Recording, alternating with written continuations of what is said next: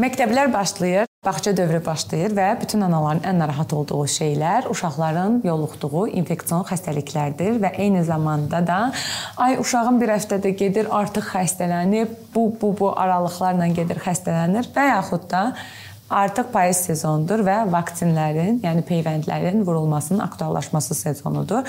Və ən çox gələn suallar odur ki, siz uşağınıza peyvənd vurdurmusunuz? Ümumiyyətlə peyvənd vurulmalıdırmı, yoxsa yox? Hələ də ən aktual mövzulardandır. Ona görə də qonağım Bahar Quliyevadır, epidemioloq. Xoş gəlmisiniz Bahar xanım. Elə ən aktual sualımla da girmək istəyirəm mövzuya ki, vaksin vurulmalıdırmı, peyvənd vurulmalıdırmı və Ümumiyyətlə peyvəndlərə qarşı bizdə niyə belə ikili ə, münasibət var? Bəzi analar deyir ki, bəli, mütləq vurulmalıdır. Bəzi analar isə bunun qəti əleyhinədir. Yəni bir ortası yoxdur bunun.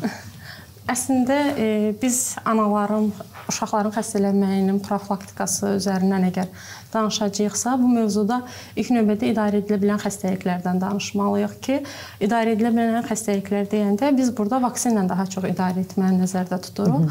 Vaksinlər də bizdə milli peyvənd təqviminə uyğun olaraq aparılır.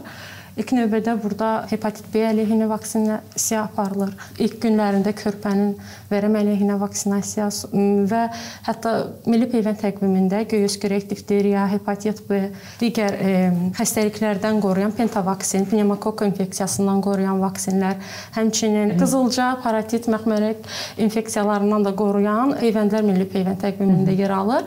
Hansı ki, siz dediyiniz kimi məktəb və bağça dövrünün başlaması ilə əlaqədar olaraq və bu qızılca məxmərək paratit infeksiyalarından qoruyan vaksinlər əsasən bu dövrə gəlir, təsadüf edir ki, uşaqlar artıq kollektivə doğru keçəcək Hı -hı. və bir-birini xəstələndirməməkdən ötürü bu vaksinləri mütləq almalıdırlar. Hətta həmin e, müəssisələrə uşaqlar qəbul edilərkən onlardan yəqin ki, sağlamlıq arayışı tələb edilir ki, burada da onlar yer al göstərilir və bu da ilk növbədə günümüzdə əslində valideynlərin mən deyərdim ki, əksəriyyəti peyvəndin əleyhinədir. Hı -hı. E, düşünürlər ki, peyvənd lazım deyil. Biz bunu hətta yetkin şəxslərin də, işləyən şəxslərin COVID-19 pandemiyası dövründə də vaksinasiyadan imtina etməsi zamanı rastlaşmışdıq.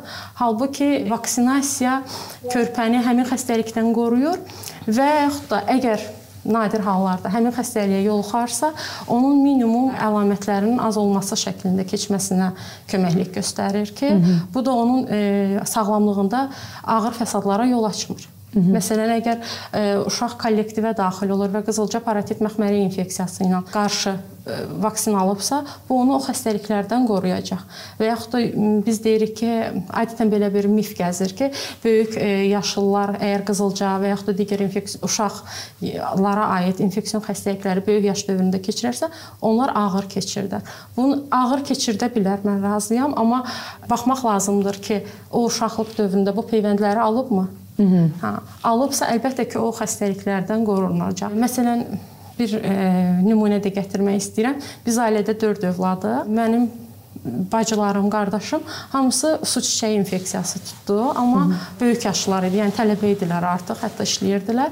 Amma mən də onlardan böyüyəm, amma mənə keçmədi.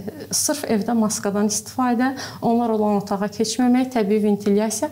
Yəni ki, profilaktika özümü qorudum ki, onlarla ünsiyyət kəsdim. Adətən belə deyirlər ki, əşi heç nə olmaz. Yəni keçərsə də heç nə olmaz və s. Amma fakt odur ki, məsəl üçün mən e, daha çox bunu müşahidə edirəm ki, öz klubumdan da insanlara Məsələ odur ki, insanlar anlamır ki, mövzu sənə nəsə olması deyil. Mövzu sənin keçiricilik qabiliyyəti ki, bunu biz Covid dövründə də gördük. Yəni insan deyir ki, bir həftədir bitirmişəm. Amma halbuki bunun keçiricilik müddəti deyə bir reallıq var. Məsəl üçün niyə görə su çiçəyi olandan sonra deyirlər ki, 2 həftə, 21 gün səhv eləmirəmsə, bunun keçiricilik müddəti var. Və insanlar düşünür ki, özündə bitdisə, bitdi. Hə. Yəni o şeyin sanki məsuliyyətinə girmirlərmiş kimi ə, bir rəftarlar sərgiləyirlər və bunu da gətirib uşaqlara ötürəndə laqeyd bir ana uşağını 14-cü gündə göndərir. Tutaq ki, halbuki 21-ci, 22-ci gündə göndərməlidir və avtomatik olaraq nə olur? Sistematik formada bundan buna, bundan buna keçirilməklik yaranır.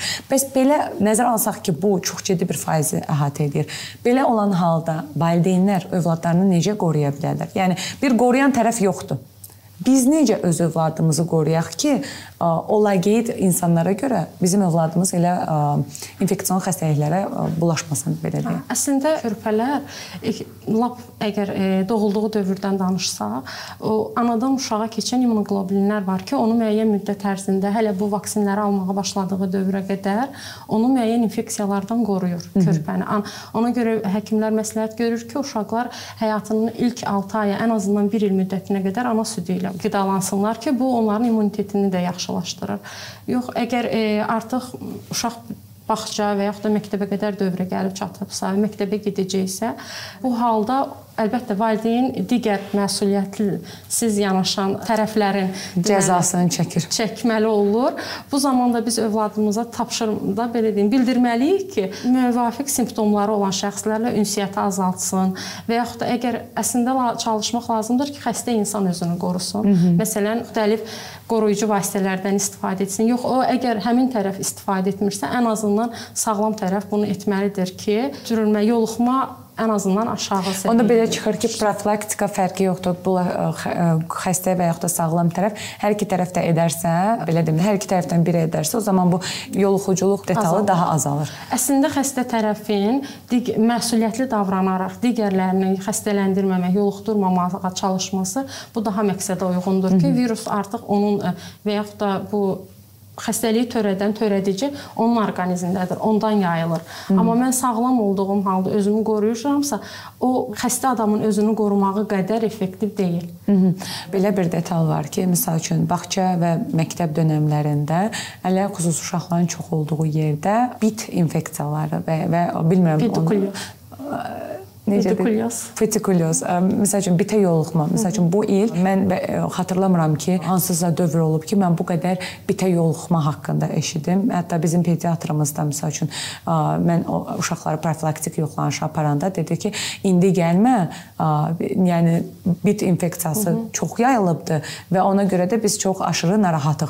Ona görə lazımı qədərindən evdən müdaxilə edəcəyik ki, uşaq olan yerdə çox olmuyor və bunun artım səbəbi nə olur adətən? Çünki Çünki bit elə bir şeydir ki, bu xəstəyə ilə keçən bir şey deyil də. Aktiv bir bit olmalıdır ki, o kiməsə keçsin və bildiyim qədərilə heyvandan da keçmir ki, məsəl üçün bizdə adətən ən çox yayılmış mif odur da ki, falan həyətdə pişiklə oynadı, məsələn bit keçdi komand, bu belə asan bir şey deyil. E, bu mövzuda belə əvvəldə də başlayanda dedim ki, idarə edilə bilən xəstəliklər var və bizim hansı ki vaksin aldıq, qorunduq və idarə edilə bilməyən xəstəliklər var.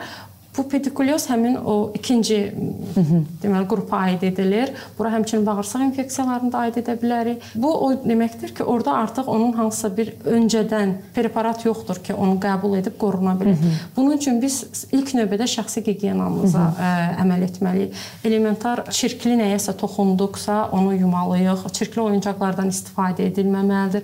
Bağçalarda çünki məsələn də və yaxud da kollektivdə hər kəs eyni şeyə müxtəlif müxtəlif vaxtlarda toxuna bilər və Hı -hı. hər kəsin ona görə də e, qapı tutacaqlarına məsələn istifadə edəndə sanitar qovşaqdan mütləq uşaqlara əl yuma vərdişini aşılamalıyıq. Hı -hı. Bunu biz e, yenə COVID-19 pandemiyasından nümunə gətirəcəm ki, orada da bu vərdişin çox gündəmdə olduğu bir dövr idi ki, bu insanların şəxsi gigiyenası ilk növbədə özünü qorumaqdan başlayır. Hı -hı. Deyirlər də insan özünün həkimidir. Hı -hı. Həm uşaqlarımıza da onu tapşırmalıyıq ki, əgər sən xəstə xəstəsənsə, bilirsən ki, səndə bu hal var, mütləq qarşı tərəfləri qorumağa çalışmalısan və bu məsuliyyət hissini aşılamaq, aşılamaq lazımdır övladlara ki, onlar e, cəmiyyətdə bir e, məsuliyyətli şəxs kimi də formalaşsınlar. Əslində bu kimi nüanslarda hər hansı bir tərəfləri günahlandırmaq əvəzinə belə başa düşdüm ki, biz öz övladımıza da bu istiqamətdə məsuliyyətli olmağı aşılamalıyıq. Bəs o zaman e, bağırsaq infeksiyalarına toxundunuz bayaqları. Bəli. Bağırsaq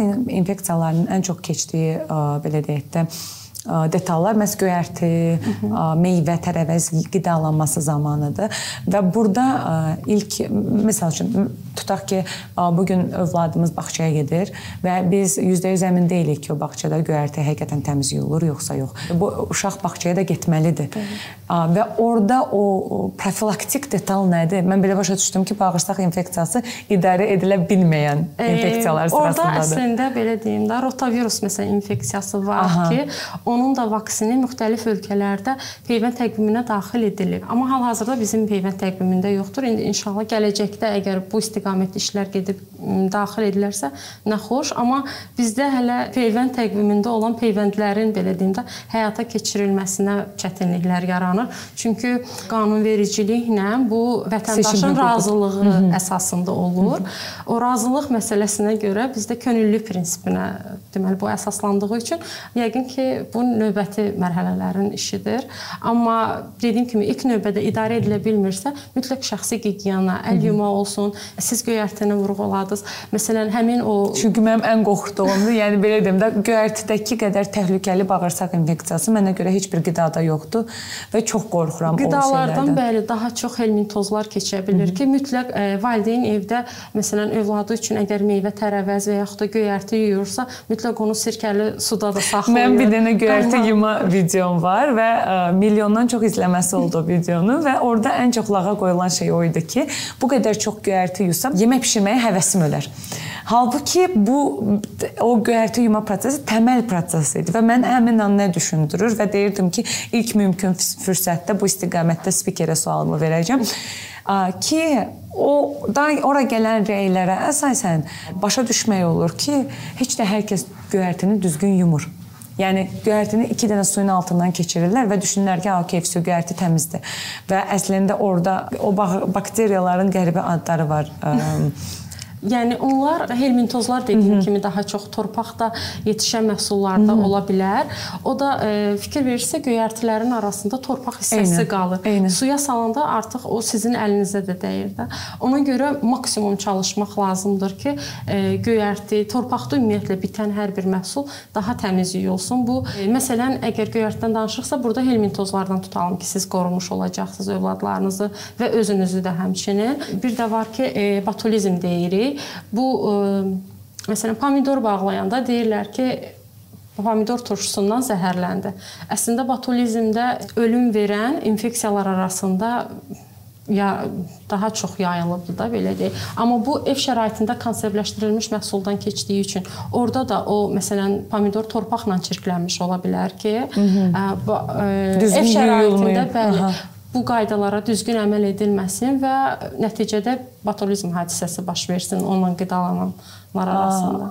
Okay. Bəs bu istiqamətdə hər hansı bir belə deyək, əgər bunun profilaktik tərəfinə yönəlsək, belə bu bağırsaq infeksiyası elə bir şeydir ki, bu mütləq ki, hər hansı bir analizlər və s. ilə müəyyən edilir də. Və amma bizim məsəl üçün necə ki 6 ayda bir gedirik qan məsəl üçün vitaminlər yoxlanmasına və s. Bunun üçün də hər hansı bir profilaktik tədbirlər varmı ki, biz onu öncədən görək də artıq sonuncu həddinə çatanda o prosesin üzərinə düşməyək. Əslində e, helmintozlarla mübarizədə belə deyim, e, siz daha çox bu nəcisin analizində rast gəlinə bilər. Daha dəqiq məlumatı oradan əldə etmək mümkündür. Nəinki qandan analiz versə, qanda sadəcə immunoqlobulinlər aşkar edilə bilər ki, bu sizə və yaxud da həkimə o qədər e, informativ məlumat verməyəcək və yaxud da müalicənin növbəti mərhələlərində daha informativ Hı -hı. olacaq. Ona görə ilk növbədə çalışmalıyıq ki, daha çox rast gəlinir helmintozlarda hansı əlamətlər məsələn e, necə qızdırma deyirik da burada böyük, yəni yuxarı dərəcədə qızdırma olmasa da müəyyən e, dərəcədə hərarətin artması, məsələn uşaqlarda tərləmə ola bilər, ağızdan suyun axması ola bilər. Siz səhərlər yatağa yığışdıranda görə bilərsiniz ki, balın şişlanıb. Yəni belə məlumat ilkin əlamətlər. Bəli, təbii ki, həzm sistemi pozğunluğu əlamətləri ilə də rastlaşa bilərsiniz ki, bu artıq sizə siqnal verir ki, övlad narahatdır.